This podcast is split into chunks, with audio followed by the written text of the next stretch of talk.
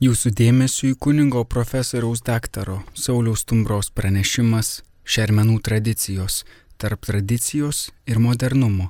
Tai įrašas iš nuotolinės konferencijos Laidotuvių tradicijų kaita Lietuvoje - raiška ir prasme. Šiandien Lietuvą, galim sakyti, turime tokią situaciją, bent jau nu, turėjome tradiciškai žiūrint, kad mūsų šermenų tradicijos bet kurie regioną paėmus, ar mes paimsim Dzukiją, ar mes paimsime Aukštaityją, jau aš nebekalbu apie Žemaitiją, mes turim labai, turėjome jau turtingas šermenų tradicijas ir apeigas. Ir kurios vis dėlto nebijau pasakyti buvo pilnos apeigiškumo ir to religinio turinio. Gerąją prasme religinio turinio, kuris buvo iš tiesų nukreiptas ne tik į išgėdėjimą, iššaukimą per maldą, per giesmę, sakysim, tą netekties momentą. Bet vis dėlto jisai buvo viltingas einantis į tą prisikėlimo rytą, apie ką iš tiesų ir turėtų kalbėti visa ta krikščioniška išermenų ir laidotųjų kultūra. Taigi, sakysim, čia galbūt toksai kaip ir, kaip ir įvadas. Žinot, man pačiam teko tokį tyrimėlį daryti, aš aišku tyrinėjau labiau žemaityje. Kokia ta kaita šermenų kultūros bendrai, kaip keičiasi, bet dar nebuvo tos koronos ir visų karantinų, tai buvo kitos išvalgos padarytos, kodėl keičiasi. Bet galbūt dar perinant prie tos analizės, kisim, galbūt keletas, kisim, tokių dar ir pamatinių tokių pasakymų. Vis dėlto ta šermenų kultūra, apie kurią mes šiandien kalbame, jinai priklauso tai vadinamai liaudiškoj pamaldumo sferai. O kas tai yra? Tai reiškia, tai yra tikėjimas, kuris išgyvenamas per tos tautos, tos etinės kultūros turimus įvaizdžius priemonės ir taip toliau. Labai gražiai tas pamaldumas yra apsakomas Vatikano Dievo kultų ir sakramentų kongregacijos apibrėžime. Aš tiesiog pacituosiu, kad sak, liaudiškas pamaldumas yra įvairios privataus ar bendruomeninio pobūdžio kultinės apraiškos, kurios atsižvelgiant į krikščioniškojo tikėjimo kontekstą reiškia visų pirma ne šventosios liturgijos formomis, bet ypatingais aspektais pasiskolintais iš kokios nors tautos, etninės grupės ar jų kultūros. Taigi čia mums savotiškai kaip ir atsakymas nuskamba, kaip mes gaunam tą kultūrą, šermenų kultūrą, nes jinai yra būtent pastatyta ant mūsų mentaliteto. Net nešta, ne dirbtinai kažkokia sukurta, bet turimas priemonės panaudojant su krikščionišku tikėjimu turiniu. Ta prates ir jau mūsų garbingas popiežius Benediktas XVI, sakydamas vienoj kalboj, būtent vėlgi apie tą patį liaudiškai pamaldumą, kuris dar labiau galbūt praartina ir išeities tašką duoda. Jisai sako, liaudės pamaldumas yra didis bažnyčios lobis, padedantis žmonėms pačiu nuoširdžiausiu būdu išreikšti savo tikėjimą. Seniai gestai ir ženklai perdodami iš kartos į kartą, išmokstami iš tėvų ir senelių yra turtas, kurį būtina saugoti. Tai kartu labai svarbi ir priemonė solidarumo ir artimo meilės skatimui, šeimų vienybės ir bendruomenių narių stiprinimui. Šiaip paėmus, čia netgi vien tą citatą paėmus, mes galime netgi į diskusiją daltis, ar mes šiandien turime netgi tas bendruomenės tikrai gyvas, kurios galėtų išgyventi bendruomeniškai visą tai, nes mes šiandienį situaciją turim visai kitokią, kuri vėlgi natūraliai turės įtakos galbūt ir mūsų diskusijai, kokį mes turim rezultatą. Taigi šermenys Suvalkijoje Jėzaus vardu gėdamas rožančius, žematijoje aišku gėdami kalnai. Ir vis dėlto čia man kaip žemaičiai yra galbūt ir garbė pripažinti ir teikti, kad vis dėlto žemaičiai esame išlaikę galbūt turtingiausias ir mažiausiai kintančias, nu, tas šermenų tradicijas. Iki neseno laiko vis dėlto, sakysim, buvo ir visos sudedamosios dalys gyvos.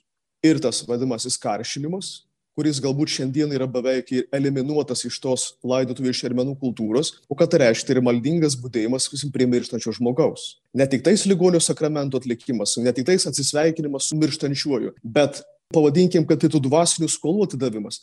Deja, bet šiandien mes, kai išgyvenam tą tokį didžiulį urbanizacijos momentą, sakysime, kada mes dažnai nebemirštam savo namuose, mes prarandam tą momentą. Jau padiškai šiandien turbūt visi tyrėjai gali konstatuoti, kad karštinimo momentas beveik yra išnykęs iš mūsų kultūros. Čia galėtume perfrazuojant sakyti, mes gimstam ant svetimų rankų, bet dėja ir mirštam ant svetimų rankų. Tas namų kaip žydinio, kuriame ir gimstama ir mirštama elementas dėja, bet yra dingęs. Aišku, nežiūrint tos, jeigu mes prarandame tą elementą iš šermenų kultūros, čia galbūt kaip ir laikų jo įtakoje, išgyventą dalyką, bet vis dėlto, sakysim, būdėjimas arba pačios šermenys jos, kad ir mažesnėm, didesnėm apimtim, jos vis dėlto yra gyvos. Vėlgi čia yra didžiulis skirtumas turbūt tarp miesto ir kaimo. Kaimuose mes matom didesnę tą būdėjimo tradiciją. Pavyzdžiui, tikrai, sakysim, ir daugelį vietų ir žemaitai po šiai dienai, galiu liudyti, yra būdėjimas tradiciškai du vakarus kada ir kalnai gėdami, ir, ir tas būdėjimas yra gražus, maldos dvasioje. Ir trečią dieną laidojimo. Tai yra tradicinis šermenų modelis, taip pavadinkim. Du vakarai būdėjimo ir trečią dieną laidojimo rytas kuris lygiai taip pat fadiškai yra paženklintas malda ir taip toliau. Aišku, šiandien, kai mes pažvelgiame jau tyrinėdami aplinką šiandienę, mes matom, kad miestuose yra galbūt tas skubėjimo momentas kada žmogus labai greit palaidojamas yra dažnai nesulaukiant tos trečios dienos. Ir čia vėlgi įvairiausių priežasčių turbūt galime atrasti objektyvių ir galbūt ne visai objektyvių. Vienas dalykas, aišku, pakankamai greit skubama, kitas dalykas galbūt yra elementas, galbūt ir ekonominis, kad pakankamai brangiai kainuoja paslaugos laidojimo namų ir žmonės vieną naktį mirusį laiko šaldytuvuose, grubiai tariant, ir tik tais antrą dieną šarmoja ir jau paskui trečią dieną palaidoja. Arba iš vis taikosi prie situacijos, kaip patogiau palaidoti. Juk turbūt šiandien jau yra tokia realybė, sakysim, kad dažnai netgi brangus mirusysis, nežiūrint visų tradicijų ir taip toliau, sakysim, išbūna tam šaldytuve ir po savaitę ir dvi, tol kol objektyviai sugrįžta artimieji iš tolimų kraštų, iš, iš emigracijos, iš kitų darbų. Žodžiu, ir laidotuvės savotiškai įtalpinamos į patogumo sferą. Čia aš nesiimu spręsti, ar tai yra gerai ar blogai, bet tokia yra realybė, kuri mūsų savotiškai šiandien, sakysim, yra ir be pandemijos jau mes tą turėjom. Žvelgim dar tolyn ką man labai norėtųsi akcentuoti, galbūt susim dar kaip ir muzikologui. Jeigu mes turim savotiškai taip išlikusias, pavadinkim vis dėlto mažesnė, didesnė prasme, mes turim išlikusias beveik pilnas tas šermenų dalis, vis dėlto, kad yra kaita tarp tos tradicijos ir modernumo arba muštynės savotiškos, tai yra faktas. Ir tą man teko pačiam taip pat irgi fiksuoti. Žemaitijoje tyrinėjant tos šermenų papročius ir tradicijas, labai nyksta ta gražiaja prasme gėdojimo tradicija.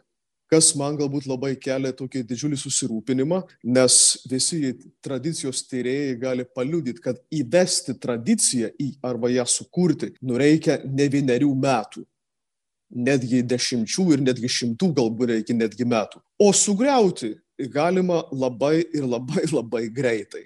Tai keletas dalykų, sakysim, kas galbūt man labai yra užkibę, tyrinėjant, tarkim, to, to šermenų gėdojimus pačiu žemaitį. Vėlgi, aš tuo labai džiaugiuosi. Vis dėlto mes galim sakyti ne tik apie žemaitį, bet ir apie Lietuvą, kad turbūt apie 90 procentų vis dėlto yra gėdama yra gėdama, kad ir tą vieną vakarą būdėjimo, sakysim, prie mirusiojo šermenų, tą būdynės vakarą, vis dėlto jisai yra kažkiek tai giesme paženklintas. Čia aišku klausimas galėtų būti kitoks. Kas tai per tų giesmių turinys yra? Ir ar iš tiesų tie mūsų etnografiniai regionai, kurie savotiškai kaip ir buvo pasidalyję Žematyje, Žemaičių Kalvarijos kalnai, aukštai Jėzaus vardo rožančius, kisim Dzukijas, kisim Raudo, ar tie gėdojimai yra dar tikrai žodžių prasme gyvi? Jei kažkur fiksuojam gyvumą to, vis dėlto, sakysim, teisingumo dėlį turim pastebėti, kad net jeigu yra išlikęs gyvas tas modelis tradicinio gėdojimo, bet jisai vis dėlto daugelį momentų jau ir nyksta. Netgi mes žemaičiai jau fiksuojam tą, kad ne visose šermenyse yra gėdami žemaičių kalba jos kalnai. Aišku, mes galbūt savotiškai šiais metais tokį pakelimą išgyvename, kadangi pavyko įtraukti nacionalinį kultūros savadą žemaičių kalvarijos kalnų gėdojimo tradiciją, tai aš kaip juokaudam sakau, žemaičiai tarytum įgavo naują kvėpavimą. O žemaičių kalnai pasirodo neatgyvena. Pasirodo, čia yra vertinga kažkas, visim tai savotiškai skau naujas kaip ir kvėpavimas, kad tarsi nauja banga tar grįžti prie to, nors iš tiesų, sakysim, man pačiam tenka fiksuoti tokius dalykus, sakysim, kad šermenyse labai dažnai tuos tradicinius gėdojimus pakeičia, nežinau, pamuzikavimai, muzikos pasiklausimai. O juk vis dėlto, jeigu pažiūrėsim, sakysim, tą gėdojimo kultūrą tradiciniuose šermenyse, tai nu jau be galo turininga. Galima išskirti tradicinės sudėtinės dalis. Tai aišku, žvilgsnis į šventuosius globėjus, vadinamieji patronai Na jau taip jau buvo, faktiškai, kad šeimose augdavo tų labai daug vaikų ir aš natūraliai visi turėjau šventuosius vardus ir tų giesmų šventiesiems globėjams natūralu, kad buvo labai daug. Ir mes jeigu tas pačias kantiškas pavartysim ar kažką, mes rasim tų patronų giesmių gražų skaičių. Ir kas gražiausia, kad kiekvienas baigtas savo patroną sugebėjo apgėdoti. Jis, sakysim, ir laidotuvėse šermenyse tos patonų giesmės, apgėdant, šaukiant iš šventųjų užtarimo giminės globėjų, buvo labai svarbus elementas. Aišku, šiandien vėl mes vat, labai trumpa akivaizdybė. Daugelį netgi mūsų vardai šiandien nebėra šventi. Tai natūraliai, sakysim, savotiškai dinksta ir ta šermenų dalis šventųjų patonų giesmų gėdojimas, nes nebeturim tų patronų. Kitas momentas labai svarbus dalykas - globėjai vadinamieji. Nežinau, sakysim, kaip yra didžioji Lietuvoje, sakysim, bet, tarkim, žemaitijai po šią dieną yra labai gyvas momentas šermenyse atminti visus giminės ar giminių mirusiuosius, kurių vardus dar pamena. Ir juos specialią melodiką, specialių tekstų užgėdant užtarti. Tai tarsi antras jau tų šermenų gėdojimo elementas, kuris šiai dienai dar fiksuojamas yra kaip gyvas. Na ir aišku, sim trečias, sim, tačiau priklausomai nuo etnografinio regiono, Žemaitijų kalnai, aukštaitijas, sim, tarkim, paimkim Jėzaus vardo rožančius ar kitur Dovido psalmės gėdamos ar kitą tradicinę maldos praktiką. Bet jeigu mes šiandien fiksuojam kaitą to pagrindinio, pavadinkim, gėdojimo momento, tai natūralu, kad jo vietą kažkas užima. Ir vėlgi čia žvilgsnis į tą yra keliariopas, galima taip sakyti. Natūraliai, sakysim, kai mes kai žvelgime tą kaimišką kultūrą, tai gesmininkai seniai jie buvo kas? Kaimo žmonės. Jie nebuvo mokyti, jie galbūt nelabai dar neįgėdojo, jie, kaip sakoma, mokėjo kitas, galbūt vienas kitas vesti, tai vadinai pravadingai, o kiti realiai tai stūravodavo jungdamiesi prie tos giesmės. Aišku, čia vėlgi man kaip psichologui norėtų pasakyti, kad mūsų ta kaimiškų kultūra, jinai be galo gražiai saugojo visą tai. Ir tas kaime esantis pravadinkas, gedorius, ar kaip jį ten pavadinsim, nu jis savotiškai buvo kaimo tradicijos saugotojas, nes jisai žinojo, kaip turi būti ir jisai net neleisdavo nukrypti niekam į šoną, kad turi būti taip ir ne kitaip. Ir va šiandien, kai vat, lyginis, kasim, tą kaimišką gėdojimo kultūrą, kasim, su šiandien atsiradusi naujaja muzikinė kultūra mūsų šermenyse, mes turbūt turim pastebėti vieną dalyką ir išvadą, ne galbūt mums nelabai malonę pasakyti atėję komercializuoti giesmininkai į šermenų kultūrą, jie ką padarė? Atnešė galbūt šiek tiek aukštesnę muzikinę kultūrą. Ta mes galime konstatuoti, nes iš tiesų atsirado profesionalūs muzikantai, kurie galėjo drąsiai smūkais, kitais muzikiniais instrumentais, fleitom pritardami gėdoti ir Bacho kūrinius, ir visokiausius klasikinės muzikos kūrinius, netgi liturginės muzikos kūrinius įtraukti į šermenų būdėjimą. Bet tai iš vienos pusės atlikdami pakankamai profesionaliai, tuo pačiu jie nebelieka jau tos tradicijos saugotojai ir savotiškai tampa amatininkais. Čia nežinau, gerai ar prastai prasme. Pasamdyti žmonės, kurie elementariai atlieka funkciją ir kuri labai dažnai yra koncertinė. Tai yra galbūt vienas iš bjauriausių ir turbūt nemaloniausių dalykų, kai mes prarandamo tą bendromeniškos maldos išgyvenimą šermenyse. Vis dėlto pripažinkim, kasimot, kai mes žiūrime tavo, tarkim, tradicinę liniją, tai šermenyse žiūrovų nebuvo. Buvo visi aktyvūs dalyviai. Jeigu, sakysim, netgi renkant medžiagas, sakysim, galima labai gražiai fiksuoti, netgi tų žmonių, kurie dar pamena tas sena, nu, šiek tiek senesnės tradicijas, aišku, jau mūsų tie senoliai išeina. Taigi, ar tu žemaityje, ar tu aukštaityje paimsi realiai padiškai. Prie karsto sėdi tik patys artimiausi, o visi kiti susirinkę gėda melžiasi to krašto tradicinių maldynų. Taigi, va, tai sakysim, yra ne žiūrovas, bet dalyvis tos apieigos. Čia yra skirtingas dalykas, vadiškai mes čia senojų tų tradiciniai kultūrai neturim komercijos elementų. O šiandien jau kultūros, sakysim, mes jau matom, kad yra sandomas atlikėjas, kuris nebelieka, kaip sakiau, ir tradicijos saugotojų.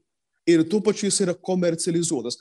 Atlikėjas atėjo, jam tradicija nelabai rūpi, ir jisai pakoncertavo ir, kaip sakant, netgi yra suinteresuotas, kuo turbūt trumpiau pakoncertuoti už tą patį atlygį. Čia yra turbūt tikrai ne viena bėda. Bėda, kad nu, mes rizikuojam išsinaikinti galbūt arba prarasti tą be galo tokią kultūrą didingą, kuri vis dėlto kaip mūsų tautos, kasim tas tūkstas krikščioniškasis etninis paveldas, jisai labai turiningas, kasim, nes Sako, pažiūrėk, kaip tauta gerbė savo mirusiuosius, gali apie tai daryti didžiulę išvadą apie bendrai žmogaus arba tautos moralinį moralinį paveikslą, sakysim, koks jis yra. Labai gražią citatą noriu pacituoti iš Sauliaus Kasmausko, kuris vienoje publikacijoje teigia, kad marinimo ir laidotųjų apėgos pažymi moralinį brandos lygį, nes tradiciniai papročiai įprasmina žmogaus mirtį ir palaidojimą žinot, labai graži tradicija, kuri, man atrodo, kad vis dėlto tos ilgus metus, vat mūsų toj šermenų ir laidojų kultūrai, jinai buvo deranti ir vis dėlto jinai buvo nesugriauta. Tas labai džiugina vis dėlto. Ir čia, jeigu žiūrint, sakysim, į priežastis, kodėl pradėjo nykti tos tradicijos arba kaitą išgyventi, žinot, čia priežasčių turbūt mes atrastume labai daug. Ir man teko, kai tą tyrimą daryti, aš šiek tiek bandžiau tokių kaip ir nu, ieškoti priežastinių ryšių. Vieną mintį pašnipždėjo profesorė etnologė Irena Merkienė. Jis žvelgia į sovietmetį ir jinai tokia išvalga sako, aš netgi pacituosiu jo žodžius, sako, vieni vietiniai papročiai praktikuoti tik šeimoje, kiti išliko kaip esminė naujai sukurto iškilmingo ceremonialo dalis. Taip visuomenėje buvo suformuota regimybė, kad kaimo ir miestelio inteligentija yra visiškai atšlyjusi nuo tikėjimo. Čia mes kalbam, aišku, apie gilų sovietmetį, tai jos citata, momentas, kada atsirado civiliniai pakaitalai religinėms apieigoms. Civilinės vardų suteikimo ceremonijos, civilinės santokos, civilinės laidotuvės. Ir jinai gražiai yra ne vieną kartą pasakojusi, kaip žmonės norėdami ir valdžiai įtikti, ir neprarasti tikėjimo, dvigubindavo savo šermeninius reikalus. Kad gautum kokį nors mėsos gabalą iš kaimo kolūkio pirmininko civiliškai laidodavo, o religinius savo patarnavimus arba dvasinę tą, pavadinkim, šermenų dimensiją atlikdavo čiut neslapdoje prie uždangtystų langų. Ir kuniga kviesdavo pašventinti duobę ir tos pačius gėdojimus atlikdavo, tai tom slaptoj, bet norėdami gauti ir tą gėrį ir tuo pačiu tikėjimu neišduoti. Bet mes vėlgi matomot tokį galbūt ir vieną iš pirminių priežasčių, kaip slėpti ir tą religinį elementą eliminuoti iš šermenų. Jeigu pažvelgus tuo tokiu šiek tiek teologiniu žvilgsniu į tą kryptį. Vis dėlto man, aišku, kaip kunigui yra labai skaudus, kasim, kad mes prarandam tą viltingą ir pergalingą, sakysim, žvilgsnį į šermenis. Kaip čia pasakyti, sakysim, bendra tradicija, sakysim, tarkim, krikščioniškų laidotų yra Velykų išgyvenimas. Nes ir tas būdėjimas, tarkim, kaip aluzija su Kristumi, dvi naktys kape ir trečia diena prisikėlimo rytas. Ta labai gražiai iliustruoja netgi Žemaitijų tikrai gyva, nežinau kaip didžioji Lietuvoje, laidotųjų rytą gėdama giesmė Marija Magdalena. Šimtus metų gėdama, bet tai yra Velykų ryto giesmė. Marija Magdalena kalba apie tuščią kapą prieš išnešant karstą, pradedant laidotuvių dienos gėdojimus, nu jau čia galima skaidrati šimtus metų gėdama ta giesmė. Taigi Velykinė mintis.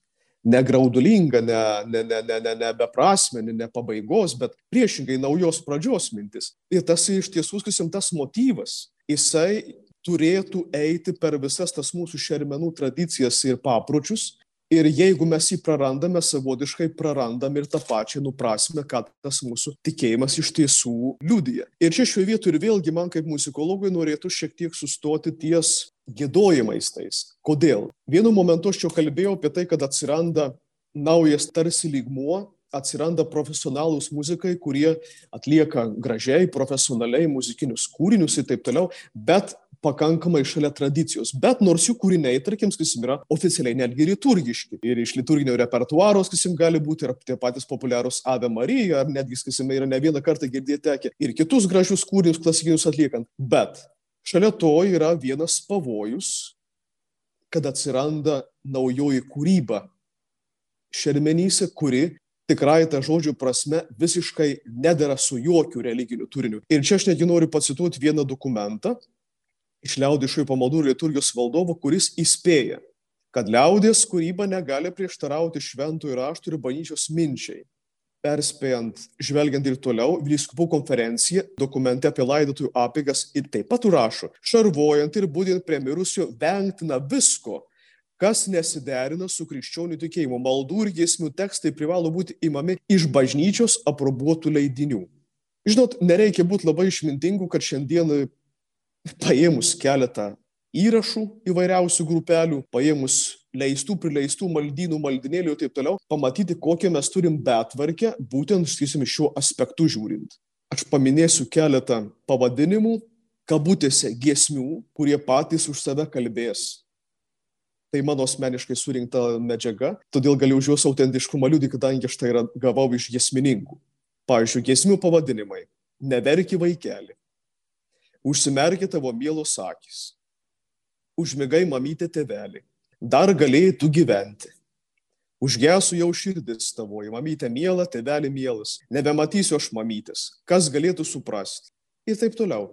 Pavadinimus tokius be galo romantiškus galėtume čia tęsti ir tęsti. Dėl to man net nelabai kyla noras tuos kūrinėlius giesmėmis pavadinti, nes analizuojant tų kūrinėlių tekstus ir aišku, pridant be galo graudenančias melodijas, tai mes gaunam priešingą dalyką. Jeigu ta krikščioniškoji mintis buvo, kad per giesmę, per maldą, pavadinkim, iššaukti išgėdoti tą netekties jausmą, susitaikinimą ir viltį išgyventi. Tai mes šiuo momentu, sakysim, toj, pavadinkim, romansiniai, sakysim, naujoviškai kūrybai, kurios yra labai daug kaip kičinės mūsų dabartinė šermenų kultūrai, mes matom priešingą norą - išaukti ašaras, išaukti verksmą. Ir ne vieną kartą yra tekę pačiam būti liudytojų, kadangi, sakysim, kaip kunigas tenka kartais patarnauti ir laidotuvėse, kaip tas daineles, kabutėse dainuojant, nu, tikrąją žodžių prasme žmonės kūkčiuoti pradeda.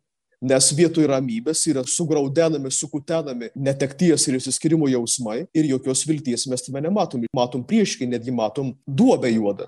Viskas, krachas, mes netekom mamytės tėvelio, kaip toliau gyvensim. Taigi vietoj to viltingo elemento mes atrandam, sakysim, neviltį. Kodėl taip yra?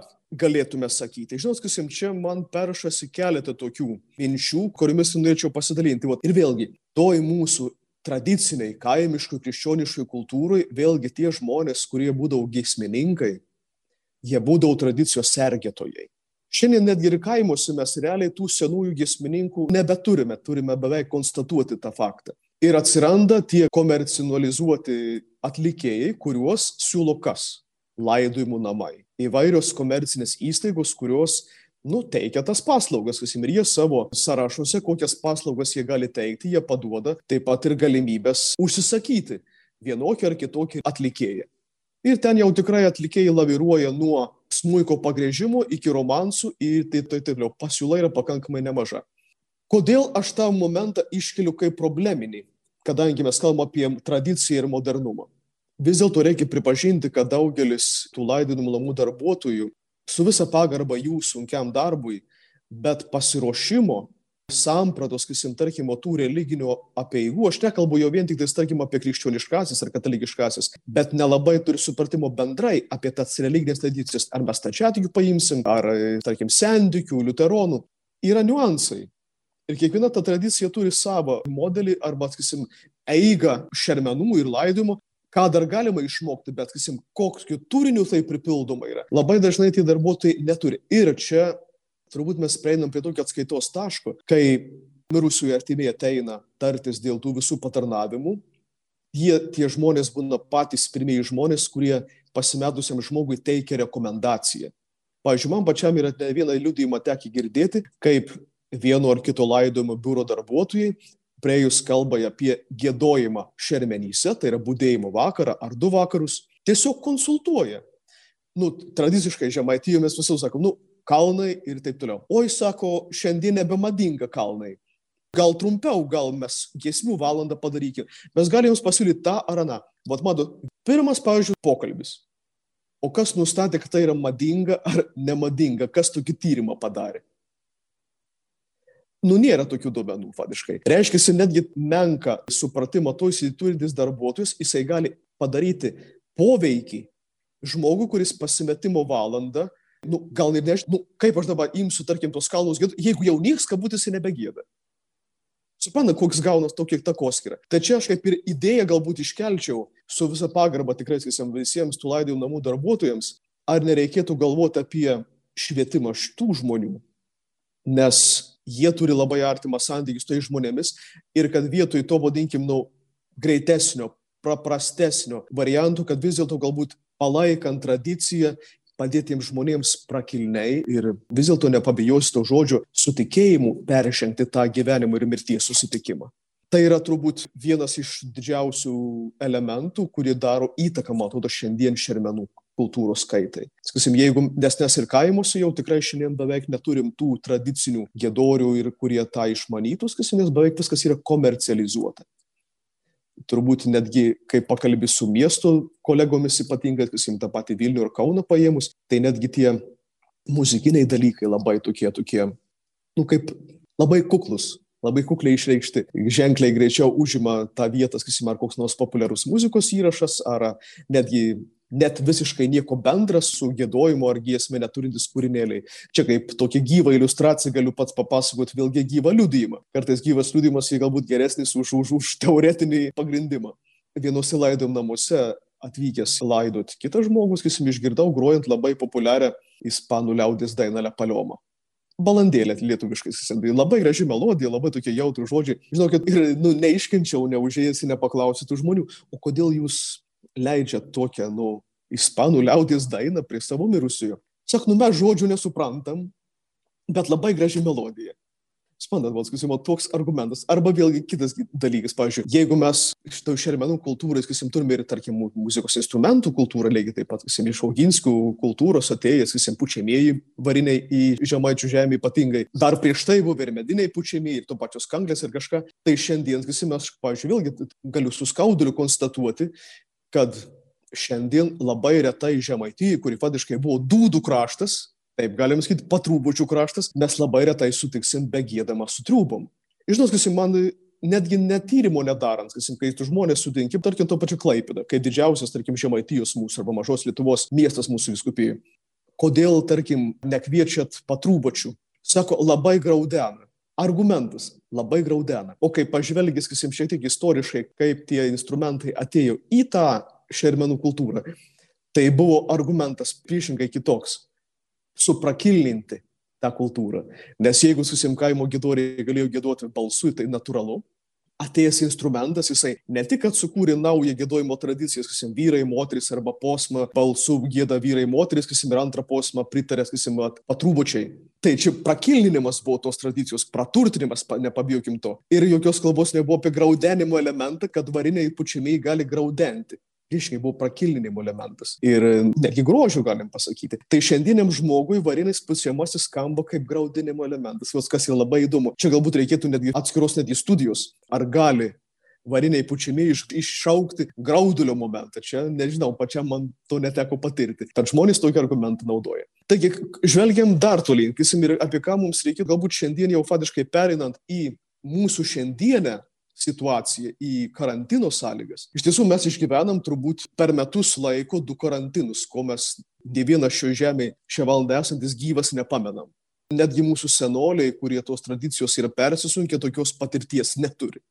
Ir mes turbūt galim konstatuoti, kad šioje situacijoje, kaip jūs ir įžangui minėjot, skaitydami vyriausybės nutarimus mes matom apribojimus. Laidotuvėse nedaugiau, dešimties žmonių ir taip toliau, sakysim, kad vengiama susibūrimų. O ką tai reiškia? čia reikia ir teoretiškai paliesti visą tai, kad be susibūrimo, be to bendruomeniškumo, nu šermenis nelabai būdavo išgyvenamos. Tai buvo bendruomeniškas dalykas, kas jiems pradedant nuo kaimo susirinkimo ir atsisveikinimo su savo broliu sese, taip toliau. Tai mes apart dar plus giminės, aišku, susirinkimų, tai mes dabar savotiškai tarsi girdim pasakymą, kad viso to bendruomeniškumo šermenyse turi nebelikti.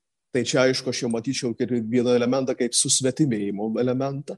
Natūraliai sakysim jeigu mes nebegalim kaip bendruomenė susirinkti tai reiškia mūsų tas santykis gyvenimo ir mirties ir mirusiojo ir palydinčiųjų greunamas yra. Ir čia turbūt mes turėsim vaisius ateityje labai skaudžius ir vėlgi tas eliminavimas bendruomeniškumo šermenų tradicijoj jisai lygiai taip pat eliminuoja ir visą tą religinę dimensiją, apie kurią aš stengiausi kalbėti kaip apie gražią ir labai turiningą mūsų kultūroje natūraliai būdėjimo nebegali būti, gėdojimo nebegali būti. Reiškia, tas maldos elementas, kuriuo buvo pripildyta tradiciškai mūsų šermenų kultūra, jisai eliminuojasi. Lieka vienintelė trečioji dalis šermenų kultūros, tai yra laidotuvių diena, realiai galime taip sakyti. Nes iš jūs, jeigu palei reikalavimus, kad jeigu žmogui konstatuojama COVID, Ir reikalavimas netgi tą pačią dieną palaidot, jeigu yra atsisakoma kremacijos. Tai ne, tai ne tik, kad jau tos, kasim, būdėjimo mes, netgi tas laidotojų momentas įgaunasi ekstra.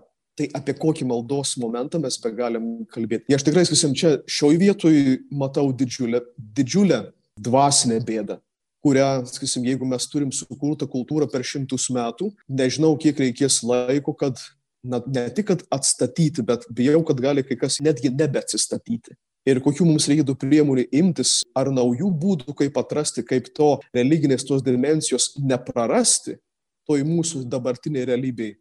Nu, žinot, aš net nežinau. Aišku, labai džiuginas, kad tarkim ir šiandien, sakysim, toj šermenų tradicijoje vis tiek yra užsakomos šventosios mišios, sakysim, yra, kad ir minimaliu to bureliu yra palydima, bet aišku, vėl, sakysim, be būdėjimo, be gesmės, be išraudojimo to savo skausmo, be to viltingo vis dėlto žvilgsnio į pačią mirtį. Bet kaip vieną alternatyvą šioje vienoje Marijos radio laidoje stengiausi pasiūlyti, nežinau, sakysim, kiek tai priimtina ar ne, mes negalime galbūt šiandien laidom namuose ar tose vietose, kur žmogus yra pašarvojimas, bureliais rinktis. Bet juk šeimos rate susirinkus, mums jau niekas nedraudžia, kad ir neprimirusius, kad ir namie prie, prie bendro stalo susėdus, ar tos pačius kalvarijos kalnus, nu nemoki gėdoti, atskaityti, pavyzdžiui. Aukštaityje, tą pat Jėzaus vardo rožinį. Galima kalbėti? Galima. Ir šioje vietoje čia galbūt netgi nauja tokia mintis, kad galbūt mes nuo to bendruomeniškumo, sakysim, gal šiandieniai situacijai turėtume perėti prie tokio šeiminiškumo, iš naujo atrasti šeimą kaip namų bažnyčią, kurioje ir gyvenimas, ir mirtis yra išgyvenama prakilniai. Tai bus, sakysim, bet ar mes gebėsim tą tokią, pavadinkim, naują kultūrą, naują tradiciją sukurti šioj karantino situacijai, aš nežinau. Tas mano pasakymas galbūt labiau nuskambėjus, sakysim, kaip pasiūlymas, kad ne eliminuoti, bet pagal esamą situaciją kažkokį tai elementą dvasinį tikėjimo išlaikyti, bet kiek tai gali būti padaroma realybėje, aš bijau atsakyti tą klausimą. Girdėjome kuningo profesoriaus daktaro Sauliaus Tumbros pranešimą Šermenų tradicijos, tarp tradicijos ir modernumo. Tai įrašas iš nuotolinės konferencijos Laidotuvių tradicijų kaita Lietuvoje - raiška ir prasme.